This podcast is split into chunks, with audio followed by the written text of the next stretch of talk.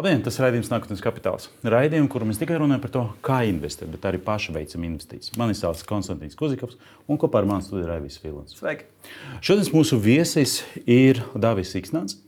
Uh, Dāvis ir privātais investors, bet daudziem viņš ir zināms kā Printful izdibinātājs un bijušais izpilddirektors. Bet pirms tam, kad mēs parunāsim ar Dāvidu, kā viņi veic ar viņu investīcijām, Raivis pasaka, kā veic ar mūsu investīcijām un kāda bija portfeļa rezultāti pagājušajā nedēļā. Tātad SEB robo investors ir pirmajā vietā ar 8,67%. Tas ir līdz šim nebijis rezultāts, izcils rezultāts, tāpēc, ka tirgiem kopumā iet labi. Mēs redzam šo saukto Santa Klausa rauju. Konstantīnam, diemžēl, iet mazliet sliktāk, vai arī nemaz netik slikti, ja salīdzina ar gadu sākumu - 3,41% pusā.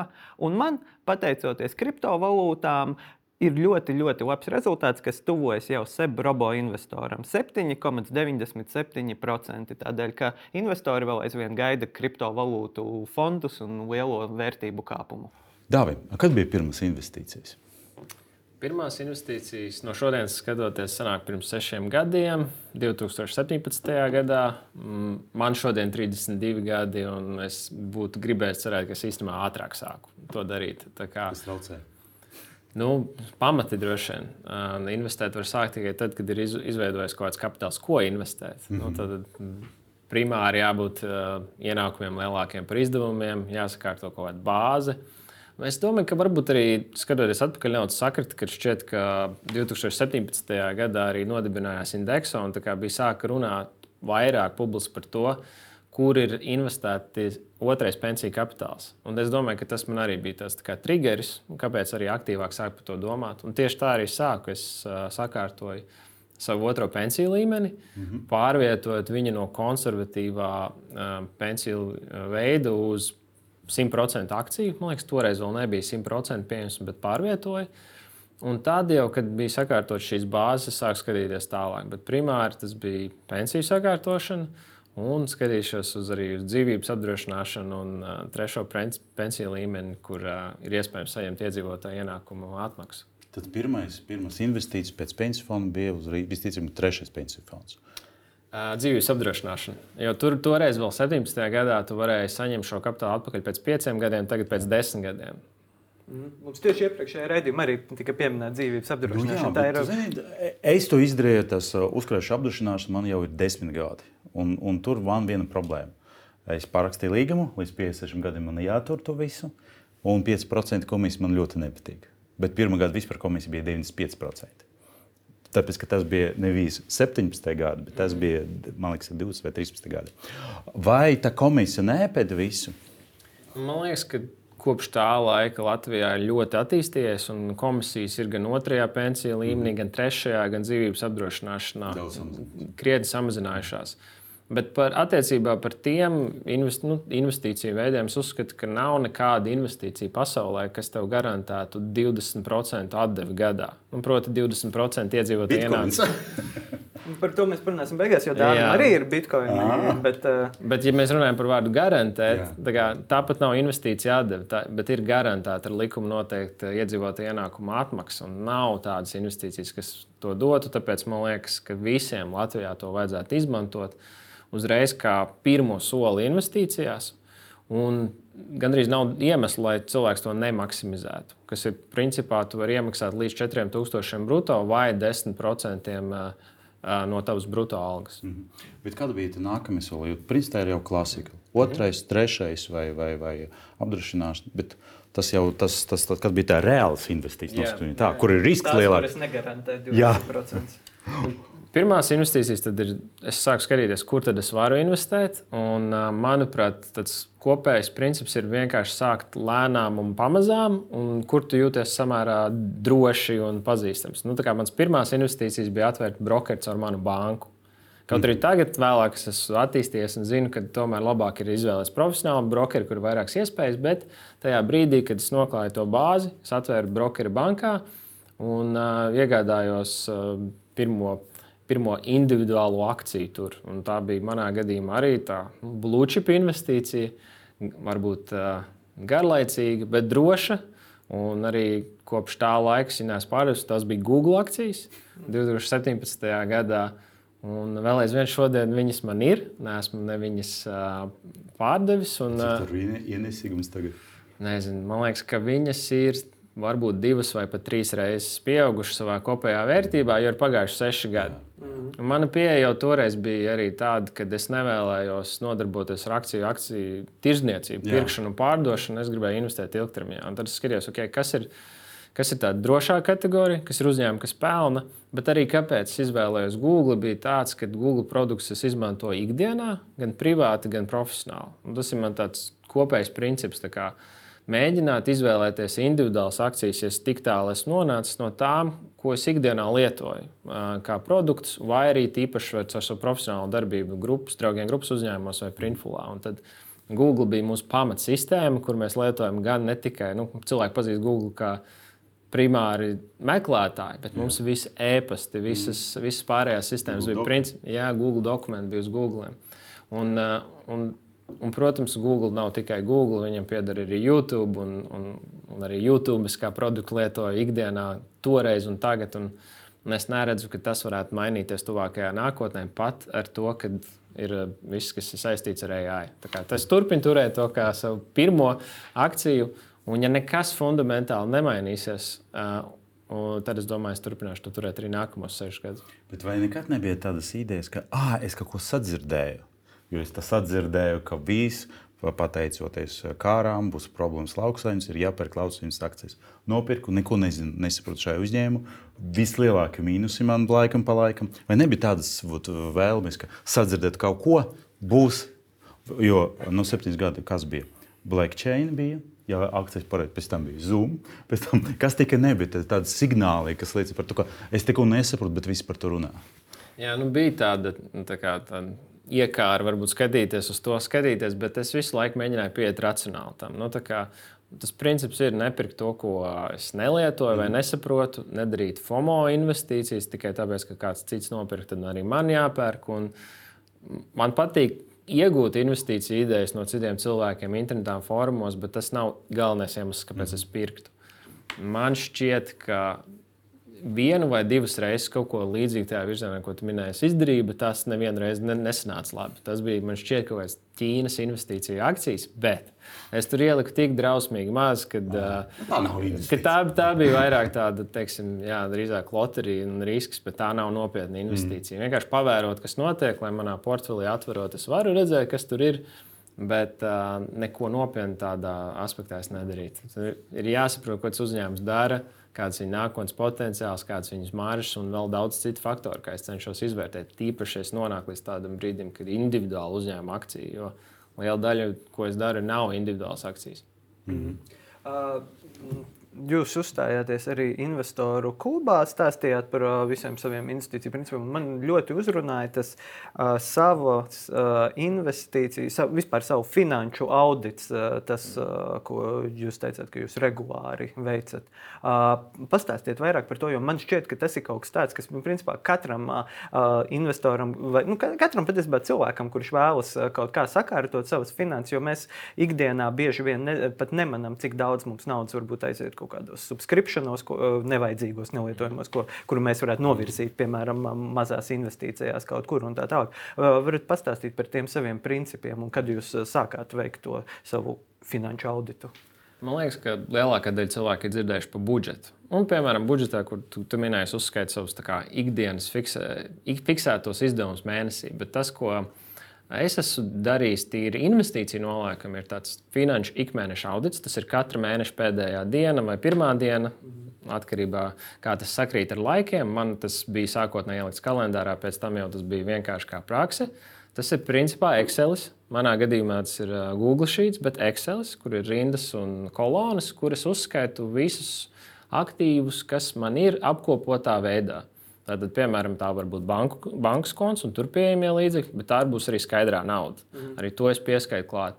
Un arī brokeru konti, nekustamais īpašums, investīciju sadalījums starp dažādām aktīvu klasēm, kas var būt uh, pensija. Piemēram, pensija, tas ieiet katru mēnesi, ielogojos tajā manā Latvijā LV, paskatos, kāds ir otrais pensiju līmeņa uzkrājums, cik man tur ir. Jā, šo naudu man nav pieejama uzreiz, bet to es arī tur uzskaitu. Uh, tā skaitā arī kriptovalūtu. Un tad izveidojas šis kopsavilkums, tur redzēt, kā procentuāli sadalās šīs dažas aktīvās klases. Vēl es tur pierakstu, kāds ir mani tā brīža ikmēneša ienākumi. Un tad es skatos pret vai nu pieejamiem brīviem naudas līdzekļiem, vai vienkārši likvidiem aktīviem, kurus ātri var pārvērst naudā, cik kāds ir mans drošības pilvens. Jo mēs, man liekas, ļoti daudz par drošības pilvenu esam dzirdējuši, bet cik bieži cilvēki viņu uzskaita un seko līdzi. Un jāsaprot, ka drošības pilvena prasība arī mainās iespējams dzīvē ar laika ejot. Ja? Tur nezinu, pieaug izdevumi, parādās bērni un citas lietas. Tad, tad tur es sekoju līdzi, izdalot, cik man ir ienākums, cik es varētu zaudējot ienākumus, mēnešu dzīvot tikai ar naudu un neieiet savās investīcijās. Papildus tam Arī es skatos aktīvi tam sadalījumam. Tāds ģenerāls princips, ko es izmantoju, ir 100 mīnus tavs gadu skaits. Tātad, ja tev ir 30 gadi, tad 100 mīnus 30 ir 70%. Cik daudz tu, tev vajadzētu, tev būtu rekomendēts ielikt aktīvos, aktīvu klasēs, kas principā ir akcijas. Un es arī tam cenšos sekot. Proti, katru mēnesi jau veidojās tās cilvēkam, vai ienākumi pieaug, vai samazinās, vai akcijas iet augšā vai lejā. Tad es skatos, vai ir nepieciešami rebalansēt, kaut kur palielināt, kaut kur samazināt. Un mēs zinām, ka vienīgais veids, kā sasniegt savus mērķus, ir kā, pirmkārt viņus noteikt, bet otrs sekot viņiem. Tad vajadzīga šī regulārā sekošana līdzi, lai pieņemtu lēmumus, atrastu idejas un tā tālāk. Un, jā, un to es darīju šķiet pat eh, nu, principā, no 18 gadu vecuma. Mm. Wow.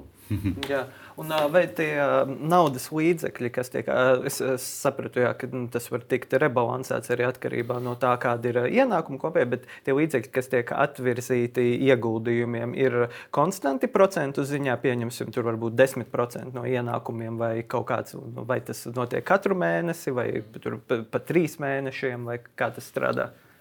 No automātiskajām investīcijām principā es uzturu automātiskās iemaksas uh, trešajā pensiju līmenī mm. un dzīvības apdrošināšanā. Nu, vairāk dzīvības apdrošināšanā, tāpēc ka tomēr to var saņemt atpakaļ pēc desmit gadiem kaut kādām nepieciešamībām.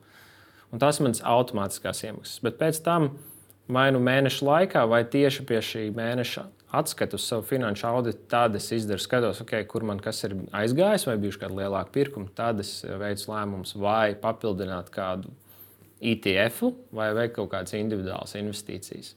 Vai nebija tādas vēlmes, tos drošības pilni tomēr investēt? Jo ļoti labs moments, kad ir jāinvestē. Man tā ir vienmēr problēma. Sakrājumi, nu, nu ko viņa stāv tas? Nu, jābūt kaut kādam tur kešam, jā, bet nu, ko viņš tur stāv? Inflācija ir augsta un tā tālāk. Izklausās daudz, izklausās tik uh, sakārtots investors, ka, ja mēs visi tādi būtu, mēs jau visi būtu bagātnieki. Nu, bet uh, varbūt ir bijis kāds FOMO brīdis. Jā, kad nauda te ir. Ne, bet es cenšos sekot principiem. Kā, principā, nē, bet nu, es teiktu, ka tas varbūt atkarīgs no tā, cik ļoti katrs cilvēks jūtas par mm. attiecīgo brīdi tajā situācijā. Um, nezinu, piemēram, pāri attiecībās. Ja, nu, kā, var teikt, ka nezinu, ir, var rasties situācija, ka iespējams māmiņa iet kā, māmiņa atvaļinājumā. Jā. Viņa zina, ka diezgan stabili būs, viņa jūtas, ka viņa var izrēķināt arī ģimenes ienākumus. Tad varbūt viņai vajadzētu kā, investēt. Nu, piemēram, arī Es savai sievai iesaku vienmēr sekot arī līdzīgiem principiem, bet arī mēs esam šajā gada beigās. Es viņai teicu, paskaties, vai tu maksimizē tās iemaksas dzīvības apdrošināšanā un trešajā pensiju līmenī, lai saņemtu atpakaļ. Nu, kā ir bijusi interese, bet labāk nē. Bet viss atkarīgs no tā, cik ļoti droši jūties par to, ka tev nevajadzēs to drošības spilvenu. Mhm. Nu, jā, jā, logiski. Bet, ja runājam par individuāliem ieguldījumiem, nu, piemēram, tām akcijām, tā, tad es saprotu, ka jūs skatāties uz sektoru, tad jūs jau minējat lietas, ko jūs lietojat, vai profesionāli vai privāti, bet nu, kopumā jūs vispār tad, ieguldat, sekojat tam principam, ieguldīt to, ko saprotat, tad tehnoloģiju sektors. Vai, vai ir bijuši kaut kādi arī nu, blakus saistītās lietas, vai nu, tās strikti tiešām tehnoloģiju sektors, ko tehnoloģija ETF vai Ir tā, ka um, pārsvarā tas tehnoloģijas sektors jau viens no citiem principiem ir, vai man vispār būs interesanti šim uzņēmumam sekot. Mm. Un ideāli desmit gadus. Tad, ja es individuālas akcijas izvēlos, es tomēr lasu šo uzņēmumu ceturkšņa atskaites, mēģinu sekot viņu vadībai, nu, mm -hmm. ziņām, kas notiek ap to uzņēmumu un, un nozari. Man vienkārši mazāk profesionāli interesē nezinu, lauksaimniecība. lauksaimniecība. Jā, es, es redzēju to, kas tur notika ar uh, inflāciju un tam līdzīgi, bet es vienkārši nevarēju iedomāties, ka es tagad sekošu tiem lauksaimniecības uzņēmumiem, lasīšu viņu reportus. Man tas vienkārši nav interesanti. Varbūt citur es esmu investējis caur ETF, tātad akciju mm. biržās tirgotiem indeksu fondiem, kur man nav jāizdala individuāls izvēles par uzņēmumiem. Es uz kategoriju skatos. Un tad varbūt kādreiz man ir kaut kāda sajūta par kādu geogrāfiju, ja mēs par Ķīnu vēsturiski tā ir bijis. Un tas ir vienīgais. Bet ne individuāls akcijas. Es tiešām gribu sekot tiem uzņēmumiem līdzi. Un tā vien man bija problēma ar Ķīnas uzņēmumiem reizēm, tāpēc, ka viņi ir lieli un vērtīgi uzņēmumi, bet es nedzīvoju Ķīnā. Tad uh, sākotnēji kaut kad bija iegādājies, bet vēlāk, pēc pāris gadiem, pārdeva lielāko daļu individuālu Ķīnas uzņēmumu akciju. Tāpēc es nedzīvoju uz vietas, es nevaru sekot līdzi, vai tie uzņēmumi ir šobrīd ar augšupejošu tendenci vai, vai lejupējošu tendenci. Tāpēc pārsvarā individuāls Ķīnas akcijas pārdevi man šķiet atstāja tikai vienu. Mm. Nu, protams, te, tur arī politiskā sistēma var ļoti ietekmēt sevišķi tehnoloģiju sektoru, kā pēdējos gados. Tad es saprotu, ka fokus būtu uz uzņēmumiem ASV, kur kādu laiku jūs arī esat pavadījis, un arī Eiropā, no Eiropas, ko apmēram saprotat. Jā, nu, mums problēma ir tā, ka Eiropā nav ļoti daudz spēcīgu tehnoloģiju uzņēmumu. Man, kā cilvēkam, kas dzīvo Latvijā un Eiropā, gribētos investēt pārsvarā eiro valūtā. Nu, jo tā mm. ir valūta, kurā ir mani izdevumi. Bet, diemžēl, atrast sakarīgus, labus tehnoloģiju uzņēmumus Eiropā gandrīz nav. Bet patiesībā mana vislielākā individuāla alokācija atkal nav investīcija, rekomendācija vai ieteikums, bet ir Eiropas tehnoloģija akcija. Tā ir Aģena, kas ir Nīderlandē bāzēta maksājuma platforma. Uh, Un tur bija visi šie principi, kurus iepriekš minēju, sagāja kopā. Tā bija platforma, ko mēs izvēlējāmies maksājumiem profesionāli, arī nu, printful un darba ietvaros. Es vienkārši redzēju, cik profesionāli tas uzņēmums dara savu darbu, cik ļoti skaidra ir tā problēma, ko viņi risina saviem klientiem. Un, uh, viņš bija viens no tiem retiem uzņēmumiem, kad viņiem bija IPO 2018. gadā no tehnoloģiju nozares, kas strādā ar peļņu un turpina strādāt ar peļņu. Un bija uh, bija īstenībā ļoti laba atdeve. Bet tad pēkšņi kas, tas, kas mainījās akciju tirgos pēdējos divos gados, viņiem bija kritums. Es vēlreiz pārvērtēju, un es uh, uzskatu, ka tirgus pārreģēja, un uh, cilvēki nezinu, neizprata līdz galam, ko šis uzņēmums izdara. Turpināja iegādāties akcijas uz leju, kā saka, average, averaging down. Un atkal, ja šodien skatījos, viss ir atkal labi ar aģenu. Amerikāņi sapratuši, kas tas ir. Bet atkal, uh, Mums Eiropā trūks labu tehnoloģiju uzņēmumu. Principā Aģena ir nu, vislabākais. Mēs varētu runāt varbūt par Spotify, bet nu, tad ļoti pietrūkst man vairāk ko nosaukt, kaut ko interesantu, kur investēt. Mm, jā. Vai dažkārt kā nozares profesionālim, nu, tātad, cilvēkam, kas saprot tehnoloģijas, kurš var arī lasīt šos uh, pusgada vai ceturkšņa pārskatus un nu, tiešām saprast, kas tur ir minēts nevis tikai nu, par cipariem, bet jūs arī saprotat nu, to nozaru un kas notiek. Vai dažkārt nav uh, tā sajūta, ka tirgus visu laiku pārreaģē uz kādām lietām, jo bieži vien, sevišķi retail sektorā, tās emocijas var ļoti ietekmē to akciju cenu, lai gan patiesībā tur nav īsti tā pamata. Vai uh, nav kaut kādas brīžos tā uh, sajūta, nu, ka. Bet varbūt tieši tas palīdz. Nu, jūs minējāt, ka jūs nopirkāt akcijas, kad viņas bija nokritušās. Vai, vai jūs skatāties arī uz to nu, tirgus emocionalitāti? Es pilnībā piekrītu, ka tirgi pārēģē. Tāpēc, piemēram, Amerikā uzņēmuma reportē uz ceturkšņa bāzes Un daudz kur Eiropā ir uh, uz pusgada bāzes. Tas pats aģents reportēja uz pusgada bāzi. Mm. Tas man patika, jo viņi arī, tad, kad viņi gāja publiski, viņi teica, mums ir šī ilgtermiņa perspektīva, un es arī uz šo akciju skatījos kā desmit gadus akciju. Un, jā, un, uh, manuprāt, vienkārši notika liela pārreģēšana tieši šī gada ietvaros, un tāpēc to izmantoju kā iespēju, kā iegādāties papildus akcijas.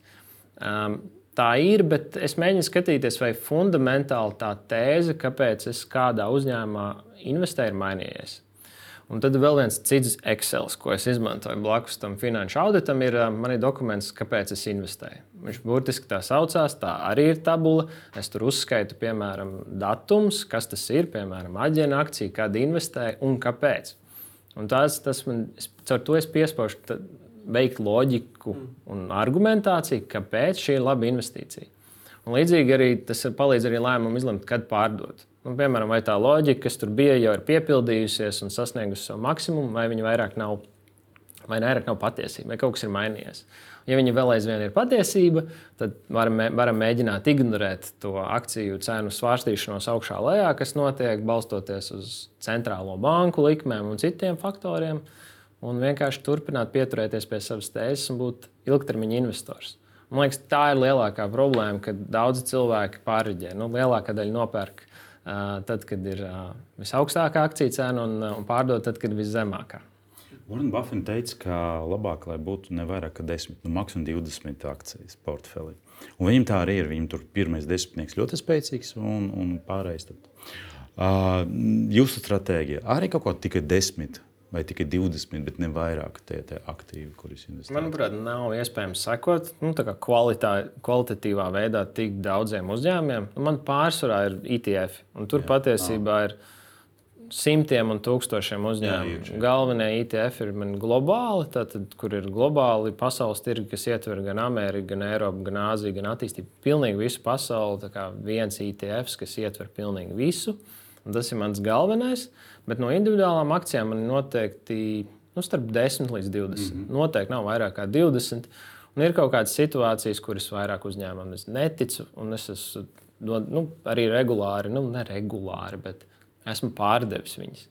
Un, tā kā izēja no šiem uzņēmumiem, tad, okay, tad var arī bet atteikties tā... no newslettera, ko viņi raksta par ceturkšņu atskaitēm. Bet ar katru gadu jūs pamanījat to, ka tad tā liste kļuva mazāka, vai tomēr eh, viņi visu. Jo, jo okay, nu, jūs pārdevat pilnībā, palikat viņi 15, hm, vajag 16, 17. Vai tomēr, principā, pēc vēl desmit gadiem nonāksim vispār līdz 5, 7. Jā, ar ļoti labu ienesīgumu, bet, bet kā ir tā tendence? Man liekas, ka atkal tas pats, ka nevar sekot tik daudz uzņēmēju kvalitatīvā veidā, Jā. bet arī, arī otrs, nu, man ir tie kriteriji, kuriem es cenšos pieturēties, un nav tik daudz kvalitatīvu, labu uzņēmumu, kuros ieguldīt. Nu, lai mhm. varētu būt tā, ka varētu pateikt, šeit ir super augstas kvalitātes uzņēmumi, kur ir 20 vai vairāk, un kuriem es sekošu līdzi. Ir, bet nu, neatbilst tiem maniem kritērijiem, kas nezinu, lieto ikdienā šo uzņēmumu, vai mēs profesionāli lietojam, vai kvalitāte, geogrāfija, vadība, māržas, nākotnes potenciāls. Es teiktu, ka nē. Man tendence ir palikt mazākam vai tādam pašam. Um, bet tas, ja mēs runājam par tām akcijām, uh, cik es atceros, tehnoloģisks uh, sektors ļoti nelabprāt maksā dividendus. Jo Google, manuprāt, nav, uh, Microsoftam ir un Apple ir, bet viņi nav tik lieli. Uh, stratēģija. Vispār neinteresējamies par akcijiem ar labu. Jo Eiropa tieši otrādi. Tur nav tehnoloģiju gigantu, bet tur kaut kāds Deutsche Bank vai vēl kaut ko varētu ļoti daudz labu uh, dividendžu tieši ienesīgumu. Tad par dividendu vispār nedomājam un nefokusējamies. Nu, tā ir funkcija no mana vecuma. Man ir 32 gadi. Es vēl... Kādu dividendu mēs runājam? Ja? ja es pārsvarā domāju turpināt. Uh, primāros ienākumus gūt ar savu darbu, mm -hmm. saistību. Nu, arī, protams, arī ar investīcijām, arī profesionāli. Man nav nepieciešamība pēc regulāra dividendžu ienākuma. Vienkārši tāda nepieciešama nav. Un, un tad, Un tā doma par tehnoloģiju investīcijām ir tāda, ka tie uzņēmumi vēlāk varētu sākt maksāt dividendus. Tas pats Google arī ir jau kādu laiku runā, ka viņi varētu sākt maksāt dividendus.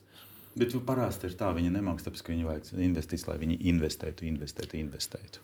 Jā, bet vienā brīdī tas sasniedz kaut kādu maksimumu, bet šobrīd daudz uzskata, ka tie uzņēmumi vēl nav sasnieguši savu maksimumu, tāpēc, ka ir pārāk pār, maksāt dividendus, un vēl ar dividendēm bieži saistīti arī nodokļu jautājumi. Man, Amerikā un citur nu, liela daļa Google ienākumu tiek gūti arī ārpus Amerikas. Viņiem nav īsti arī finansiāli no nodokļu viedokļa. Mm. Pārlikt to peļņu uz Ameriku un pēc tam izmaksāt dividendus. Nu, Viņus piekrīt. Mm. Jo man tur revolūcija bija tā, ka viņi tur aplika ar 30% nodokli. Tā kā es tādu dividendu saņēmu, bet it kā, it kā nu, Tāpēc tie uzņēmumi principā jau maksā dividendes citā veidā viņi atpērk savas akcijas Jā. ar milzīgu, Beidz. milzīgu viņiem brīvās pieejamās naudas apjomu. Viņi atpērk savas akcijas tādēļ, mm tādējādi. Tā kā to vērtē, jā, samazina akciju skaitu apgrozījumā, mm -hmm. un tad pēc teorijas vajadzētu pieaugt viena akcijas cena. -hmm. Jo Apple kādreiz pateica, ka viņi tik daudz naudas, ka viņi vienkārši nezina, ko darīt, tāpēc viņi arī dividendus maksās. Bet uh, tie beigās viņi vēl ir lielāki. Yeah. Um, tad uh, vēl mums notiek jāpieskarās kriptovalūtām. Ir, uh, Varbūt nevajag. Ne, vajag, vajag, vajag, vajag. Kad jau mans portfelis liecina, ka vajag. Uh, bet uh, tā tad, uh, kad un uh, cik lielā mērā uh, uh, ieguldīts kriptovalūtās un kādās kriptovalūtās. Arī, protams, tas ir interesanti. Vai uh, nu, lielais bitkoins, kas ir digitālais zelts, kā daži grib teikt, vai mūsu viesis, kas runāja par zeltu, teica, ka nekādā gadījumā tā nevarētu teikt. Vai arī, uh, vai arī ir meklēts kaut kādas nu, tās interesantākās no tehnoloģiju perspektīvas, jo ir investori, kuri skatās nu, tieši, ka, uh, kas varētu atrast kaut kādus tos papildus pielietojumus. Bitcoinam, principā, tie pielietojumi ir salīdzinoši maz, uh, un uh, tie, kuri meklē to tehnoloģiju, tehnoloģisko pusi, vairāk skatījās uz Ethereum, uz Solanu un uz vēl visādām citādām. Kāda ir stratēģija tur, un vai tas ir tāda nopietna investīcija, vai tas ir nu, tā paskatīties? Nu, ir tā, ka tāpēc, ka es strādāju tehnoloģiju jomā, es par Bitcoin biju dzirdējis ļoti labu laiku, pirms es veicu pirmo investīciju vai iegādi. Es nezinu, vai to pat var saukt par investīciju iegādi. Uh, es biju ļoti ilgu laiku skeptisks, bet es klausījos, lasīju šo informāciju, mēģināju sev izglītot vairāk. Tad um, tas viens punkts, kur man mainīja manas domas, bija tas, ka um, no diversifikācijas viedokļa ir vērts ar nelielu procentu savu portfeļu riskēt, vai arī tu nemaz nejūtīs tik to milzīgo ietekmi uz savu kopējo kā, aktīvu kopsumu, ja kaut kas, kas bija 1 vai 2% aizies līdz nulē. Un tieši tā arī um, es izlēmu, ka līdz 5% riskēt ar kriptoaktīviem likās saprātīgs risks kad es esmu gatavs, ka viņi aizies līdz nulai. Paveicās, ka neaiziet. Un tad šķiet, ka 2018. gadā jā, nopirku savu pirmo mm, bitkoinu alokāciju. Kopš tā laika neesmu neko pārdevis, esmu kaut kur iegādājies tikai klāt.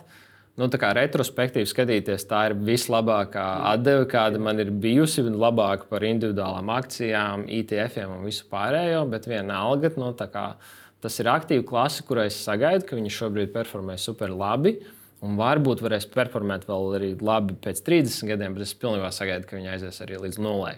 Un, un es no šīs kategorijas, kā kripto, uzskatu tikai bitkoins. Pārējās ir pārāk daudz arī lietas, kurām būtu jāsako līdzi, ļoti rūpīgi jāizvērtē, kas ir kaut kas, ko es kaut arī tās tehnoloģijas negribu iedziļināties. Es to redzu kā manas paudzes zelta alternatīvu Ja, un, un tāda, principā, tur šo alokāciju. Nu, viņiem ir arī ne šogad vislabākā performance, un arī sanāk, 5, 6 gadu per perspektīvā arī vislabākā performance no visām pārējām investīcijām, ko es veicu. Cik tur ir atdevi? Jau e, desmit nu, reizes. Uh, nu, četras reizes, varbūt. Tāpēc, kā es arī iegādājos, à, iegādājos klāt, arī, kad akcijas, nu, bitkoina mm -hmm. cena bija pieaugusi. Okay. Man liekas, ka viens no pirkumiem ir pat uh, virs tās cenas, kas ir šodien. Kas šo... ah, bija tāds moments, jā. Tāpēc šī ir super. Uh, Tik un tā, labs. labs, labs Tik un tā, beigās ir arī labi. Tāpēc arī, nu, līdzīgi kā citām lietām ar obligācijām, ko es arī esmu iegādājies pēdējā laikā, saku, ir svarīgi sākt kaut ko izmēģināt. Pirmā arī mm. Bitcoins bija super skeptisks, bet nu, viņi, ir, viņi ir aktīvi klasi, kur tu vari iegādāties 50, 100 eiro un sākt apgūt viņas kā tu jūties, un mēģināt strādāt ar savu psiholoģiju, vai viņa ir radīta man vai nav radīta. Jo viņa ir super, super mainās šī akcija. Nu, Bitcoin cena, akcija. Un tev jāsaprot, vai tev psiholoģiski tas ir vispār pieņemams, ka tu atvērsi to portfeli un redzēsi, ka Bitcoin ir mīnus 50. Jā. Tur uh, portfelī tikai Bitcoins nav ne tā kādas citas kriptovalūtas. Nē, nav. Tad es Bitcoin, Bitcoin jā, maksimālists un šobrīd nu, mazāk ticu pārējām uh, kriptovalūtām valūtām, un arī liekas, tirgus kapitalizācija Bitcoinam ir lielāka ar atrāvienu.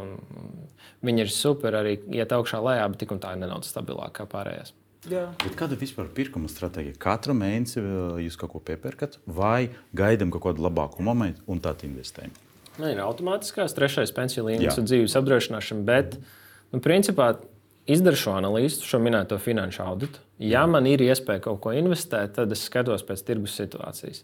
Un, principā, cenšos, kā, balstoties uz manu vecumu, es sagaidu, ka es tās akcijas, ko es iegādājos ilgtermiņam, pārdošu visticamāk, tuvojoties manam pensijas vecumam. Mm -hmm. Kā tirgu ir kritumi, ja man ir iespēja nedaudz iebraukt tajā drošības filmā vai citā, tad es piepērku klāt. Ja es ticu tai akcijai, un tā tēze ir uh, pareiza, es pārsvarā cenšos pirkt tajā brīdī, kad tirgu ir kaut kādas korekcijas un kritumi. Bet tā ir, tam, ir jābūt psiholoģiski tam gatavam. Nu, retrospektīvi man vajadzēja visvairāk pirkt tieši uz Covid krit, kritumiem. Jā. retrospektīvi tieši pirms gada, kad akcijās bija korekcijas. Un jo vairāk šādas lietas tu savā investīciju pieredzē piedzīvo, jo vieglāk to saprast. Es sāku 17. gadā investēt, 18. gadā bija samērā liela izmēra korekcija un kritumi. Un tas man bija ļoti laba izglītība, teiksim, tā, lai es pēc tam arī neko nepārdotu un turētu Covid kritumā un patiesībā pat iegādātos klāt. Jā, tas, tas ir ļoti svarīgi. Tas psiholoģiskais aspekts uh, ir. Uh, un tad jautājums, protams, ir, uh, kur jūs ņemat informāciju, nu, gan aktuālo informāciju, gan vispār uh, zināšanas, vai uh, grāmatas uh, lasījāt, uh, YouTube uh, video skatījāties, vai uh, no kurienes jūs sākāt mācīties, un kur jūs arī varbūt ieteiktu uh, mūsu skatītājiem, kuri uh, tagad nu, domā, ka viņi varētu sekot piemēram un kaut ko sākt sāk darīt. Kā viņiem mācīties par to visu? Nu, protams, ar šādu raidījumu skatīties regulāri, klausīties, klausīties podkāstus, lasīt um, blogus par to. Um, nu, es gāju arī internetu formos.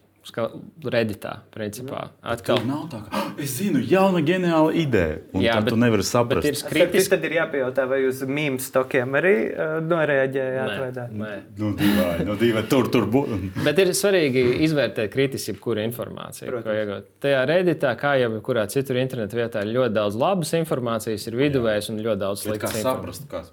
Who is who in the zoo? Nu, atkal tā ir tā lieta, droši, ko mums skolās jāmācās. Kritiskā domāšana, kas ir avots un tam līdzīgi. Izlasīt šos visus materiālus. Mēs zinām, ka par biržā tirgotiem fondiem ir viņu materiāli, ko fona informācija tur izlasīt. Iegūst arī tādu te teoriju, kā mēs zinām, vienmēr iepriekšējā performance neliecina par nākotnes performanci. To visu var saprast, sāc jau kritiski izvērtēt internetu fórumi, finanšu twitteris, daudz kas cits. Bet nu, šobrīd es teiktu, tiem, kas sāk tagad, ir vispār jāuzmanās vairāk. Jo es piemēram, lietoju TikTok, kā parasts lietotājs, redzu jau ļoti kā, kvalitatīvus feikus, nu, kur cilvēki uztaisīja Billu Gatesu, Elonu Masku. Un, un citus cilvēkus, kurš aicina investēt kārtējā krāpšanā. Mm -hmm. nu, tad, kad es to sāku 18. gadā, AI vēl nebija tik uh, Nu, attīstīts, lai to izdarītu. Šobrīd ir vēl vairāk svarīgi kritiski filtrēt informāciju, tāpēc sākam drošāk no uzticamiem avotiem. Mm, nezinu par fondiem, daudziem un pensiju fondiem ir mana pensija, vai nu, valsts iestādes vai līdzīgi avoti. Iegādājamies arī nu, akcijas, kas ir varbūt bijušas ilgāku laiku tirzniecībā, lielās, nopietnās biržās, kā Nēsdaq, nevis mazās, nelikvidās un tam līdzīgi. Man visu laiku Ilona Maska aicina Facebookā. Uh, nopirkt Starlink, nopirkt vēl kaut kādus uzņēmumus, kas vispār nav birža. Un, un vairāk un vairāk es skatos, kā īstais. Tagad arī Bills Gates kaut ko man tur aicināja.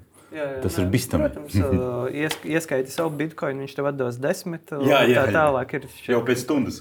Jā, jā, ir tie klasiskie, un, protams, nevajag pat AI, ir jau tie, kas izmanto ierakstus no citām nu, Zoom sarunām vai konferencēm. Populārs YouTube visu laiku tiek nozagti tie kanāli. Jā. Dažādiem populāriem YouTuberiem uzvalsti palaiž to Ilona Maska kaut kādu pļāpāšanu, apakšā ieliek klikšķinu šīs saites un dabūsi desmit bitkoinus atpakaļ. Tā, diemžēl tas ir briesmīgi. Jā, bet jautājums dāvim ir, nu, pieņemsim, tad mums ir šis skatītājs, kurš ir noskatījies, viņam ir nedaudz liekās naudas pēc drošības pilvaņa. Mums visi viesi vienmēr saka no sākuma drošības pilvens, bet pieņemsim, ka šim mūsu, jā, jā, ka šim mūsu cilvēkam ir šie visi pirmie soļi veikti, šis ir sakārtots, viņš gribētu tā kā sākt, bet viņš nezina, no kura gala sākt skatīties, domāt, kas būtu tie, ja ne pirm, nu, ne investīcija rekomendācija, bet vismaz kurā virzienā skatīties, kas ir tas, ar ko, jā, tas aktīvs vai instrumenti, ar ko sākt.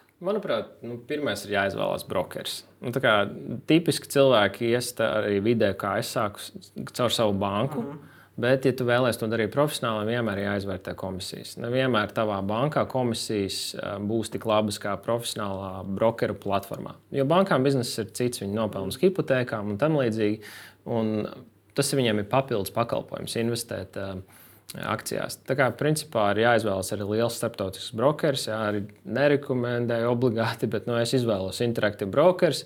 Konstantīns arī. Jā, man kā cilvēkam, kas ir no 32 gadus vecs, ir svarīgi, lai viss ļoti ērti strādā no telefona. Mm. Un ir pieejams tad izvēlēties pareizo brokeri, kur ir pieejama plaša investīciju lokus, zemes komisijas, atverot konkrētu ETF vai akciju, tu arī uzreiz tur blakus redzi papildus informāciju par uzņēmumu, analītiķu nu, ieteikumus. Mm. Nesaku, obligāti jāsako, bet ir virkne papildus informācija, kas ir pieejama tur uzreiz. Arī bieži lielākās platformās ir lielāka likviditāte, labākas cenas.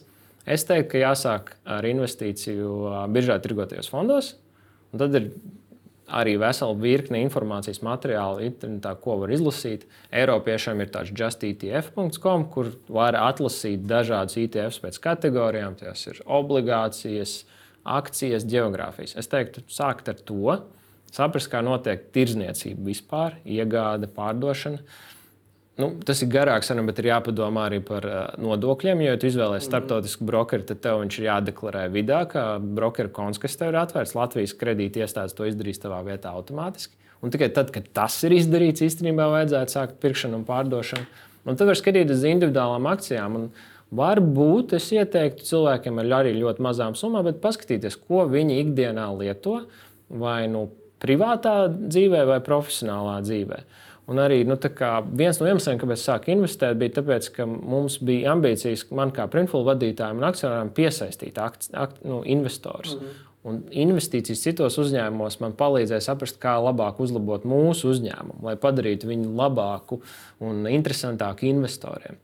Un arī, manuprāt, jebkuram cilvēkam, jūs paši strādājat uzņēmumā, kas ir daļa no publiska uzņēmuma, tad arī jūsu, teiksim, Ehm, tas var palīdzēt jūsu profesionālā darbībā. Jūs sapratīsiet, kā jūs vērtējat uzņēmumus, tad jūs ieguldīsiet to savā darbā, lai uz, uzlabotu jūsu esošās darba vietas teiksim, vērtību akcionāru acīs.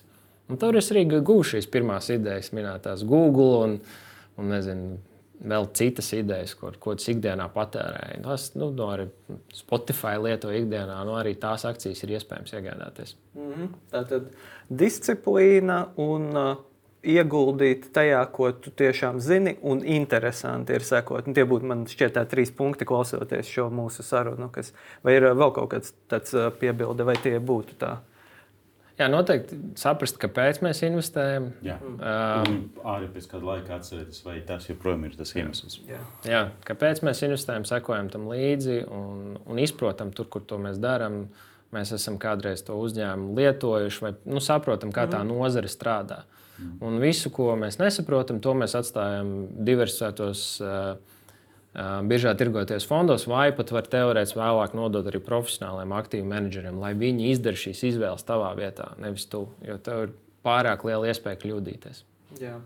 Ok, super. Ar šo es teikšu paldies Dāvim Siksnānam par stāstu, kā viņš sāka investēt un kā viņš pieiet savām investīcijām. Teikšu paldies Konstantīnam un savukārt skatītājiem novēlēšu laimīgu jauno gadu un atgādināšu, ka mēs jau ar jauniem viesiem, jaunām tēmām, jaunām visādām lietām, par ko mēs runāsim, kur mēs ieguldīsim, varbūt būs jauni aktīvi, vai ienesīgums labs. Vai ienesīgums labs un tiksimies ar jums janvāra beigās. Paldies! Paldies. Visu labu!